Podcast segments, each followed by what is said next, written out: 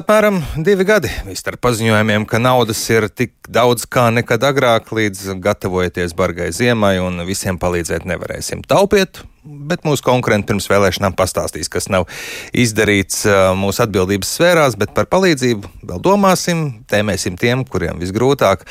Kā, nu, to vēl nezinām, bet uh, jūs tur turaties. Nu, Turpmāk viss, protams, jādara labāk. Apmēram tā mazliet ar ironiju, bet laikam jau arī skaudrumu patiesi var raksturot šī brīža situāciju. Un, lai gan Eiropas komisija saka, ka arī nākamgad valsts varēs tā vaļīgāk veidot budžetu Latvijai, tā vienlaiks pakrat arī ar pirkstu. Deficīts pārāk liels un parādas lokus arī aug. Šobrīd esmu sazinājies finanšu ministru padomnieku Intu Dalderu. Labrīt! Labrīt. Jā, Covid laikā finanšu ministrija droši teica, visai tā neierasta finanšu ministrijai. Nauda ir, atbalsts būs, bet tagad brīdī jāsāk taupīt, visiem nepietiks pērn budžeta deficīts virs 7%.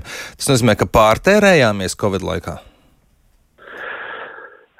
Jā, es domāju, ka tā, protams, var skatīties dažādi uz šīm lietām. Es domāju, ka tas atbalsts, kas bija sniegts Covid laikā, bija vietā un laikā, un tas bija nepieciešams. Protams, ka tajā laikā, kad mēs Jūs minējāt divu gadu pagātni, neviens mēs nezinājām nekas tā par slimību, ne cik ilgi tas uh, šis problēma ris, būs un kā mēs redzam tā vēl turpinās. Līdz ar to, protams, šādas prognozes šajā laikā sniegt kaut kādas, ja kādas ir ārkārtīgi bīstam un kaut ko teikt par šīm lietām. Tas ir skaidrs, es domāju, ka mēs šobrīd, ja mēs skatāmies uz kopējo valsts parādu, tad mēs turamies nosacītos rāmjos un spējam savu parādu apkalpot, nu, kas ir tas pats arī galvenais un svarīgākais, teiksim, ilg, ilg, ilgākā termiņā. Ko tas nozīmē cilvēkiem, ka valsts varēs vai nevarēs atļauties atbalstīt sabiedrību rudenī un ziemā, kad tiek prognozēts, ka būs visgrūtāk tikt galā ar rēķiniem? Šobrīd eh, mūsu arī stabilitātes programmā, ko mēs katru gadu sniedzam Eiropas komisijai, Latvija ir pateikusi, ka diviem mērķiem naudu netaupīs, bet mums sniegs nepieciešamos e, vajadzību izdevumus. Tā ir aizsardzība pirmām kārtām, protams, šajā konkrētajā situācijā un atbalsts maisaimniecībām energoresursu šīs e, cenu krīzes pārvarēšanai. Tā kā, tā kā tas, tas, tas ir divas lietas, kuras mēs esam teikuši, ka ja pat tad, ja tiešām būs deficīts jāpalielina, uz, uz arī turpmāk mēs, mēs to darīsim, jo tās ir tādas eksistenciālas lietas, par kurām mums jārūpē. Cik daudz valsts var atļauties, nenonāksim atkal līdz uh, runām par konsolidāciju, taupības politiku, nu, tādu skarbu taupības politiku. Jātaupīja vienmēr. Jā, nu, protams, ka jābūt uzmanīgiem ar savu ar saviem izdevumiem un uh, tiem priekšlikumiem, visiem atbalsta priekšlikumiem, ko mēs arī šeit dzirdējām no, no atsevišķām amatpersonām, tā būtu pārdomātām, mērķiecīgām, tiešām tēmētām tiem cilvēkiem, kuriem šobrīd visgrūtāk ir šo, uh, šo cenu pieaugumu pārvarēt, un tad, protams, jāskatās, kā mēs varam arī pārējiem palīdzēt, bet, nu, jebkurā gadījumā primāri tomēr ir tās grupas iedzīvotāji, kuriem ir tiešām tas uh, nav iespējams palielināt ne savus ienākumus, kas ir pilnībā atkarīgi no no citu, eh, tā teikt, nomaksātiem nodokļiem. Tas ir pensionāri, ģimenes ar bērniem un, un citi, teiksim, cilvēki, kuriem šobrīd nav, nav, nav citas iespējas, kā tikai paļauties uz pārējo sabiedrību.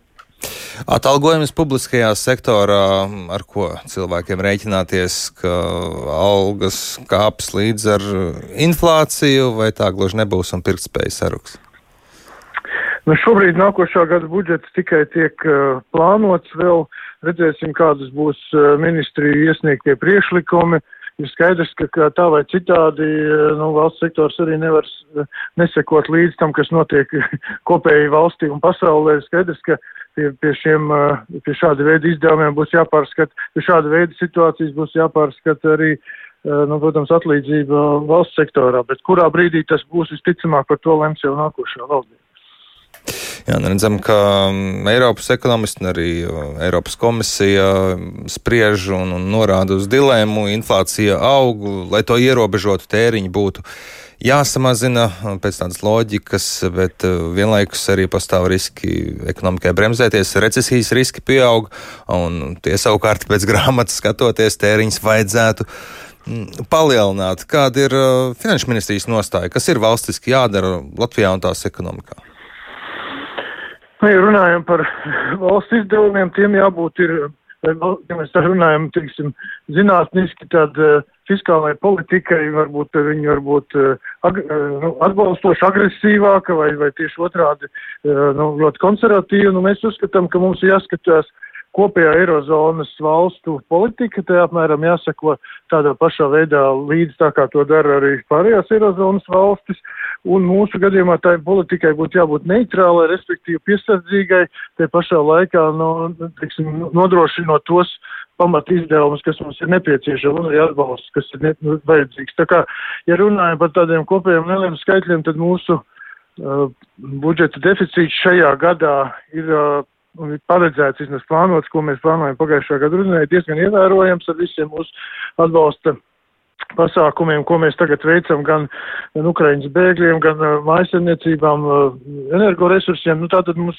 esam jau diezgan, diezgan, uh, teiksim, nopietnu atbalstu snieguši šajā gadā. Mums jāskatās, kā mēs visu varam uz gada beigām kopā savilkt pienācīgā nu, kārtībā. Tā kā es domāju, ka nevajadzētu uztraukties par to, ka naudas nebūs bet eh, jebkurā gadījumā mums ir kā valstī kopumā jābūt pietiekoši saprātīgam, piesardzīgam, nedrīkstam pārspīlēt ar saviem termiņiem. Jā, nu vēl viens uh, rīks, ko valsts var izmantot, ir nodokļu politika.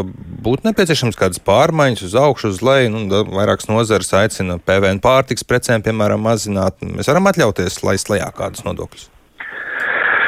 Nu, ja mēs vērtējam kādus pasākumus, ko mēs gribam sasniegt, kādu mērķi vai atbalstīt vienu vai otru grupu vai kādas, nu, teiksim, pār, vai produktu grupas, tad vienmēr jāstāsta, vai, ja mēs vēlamies iztērēt kādu noteiktu summu, piemēram, nezinu, 50, 100 miljonus no savu budžeta, vai, teiksim, nodokļu izmaiņas ir tas efektīvākais veids, lai sasniegtu šos mērķus. Un tas arī tādā kontekstā vienmēr ir jāskatās.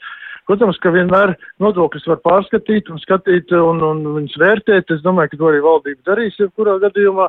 Bet, eh, nu, manuprāt, tiešām šis pievienotās vērtības nodokļa kustināšana šobrīd uz vienu uz otru pusi, nu, tas ir tas vismazāk efektīvais eh, palīgs jebkurām šīm problēmām, ar kurām mēs šobrīd saskaramies. Kuri būtu efektīvāki?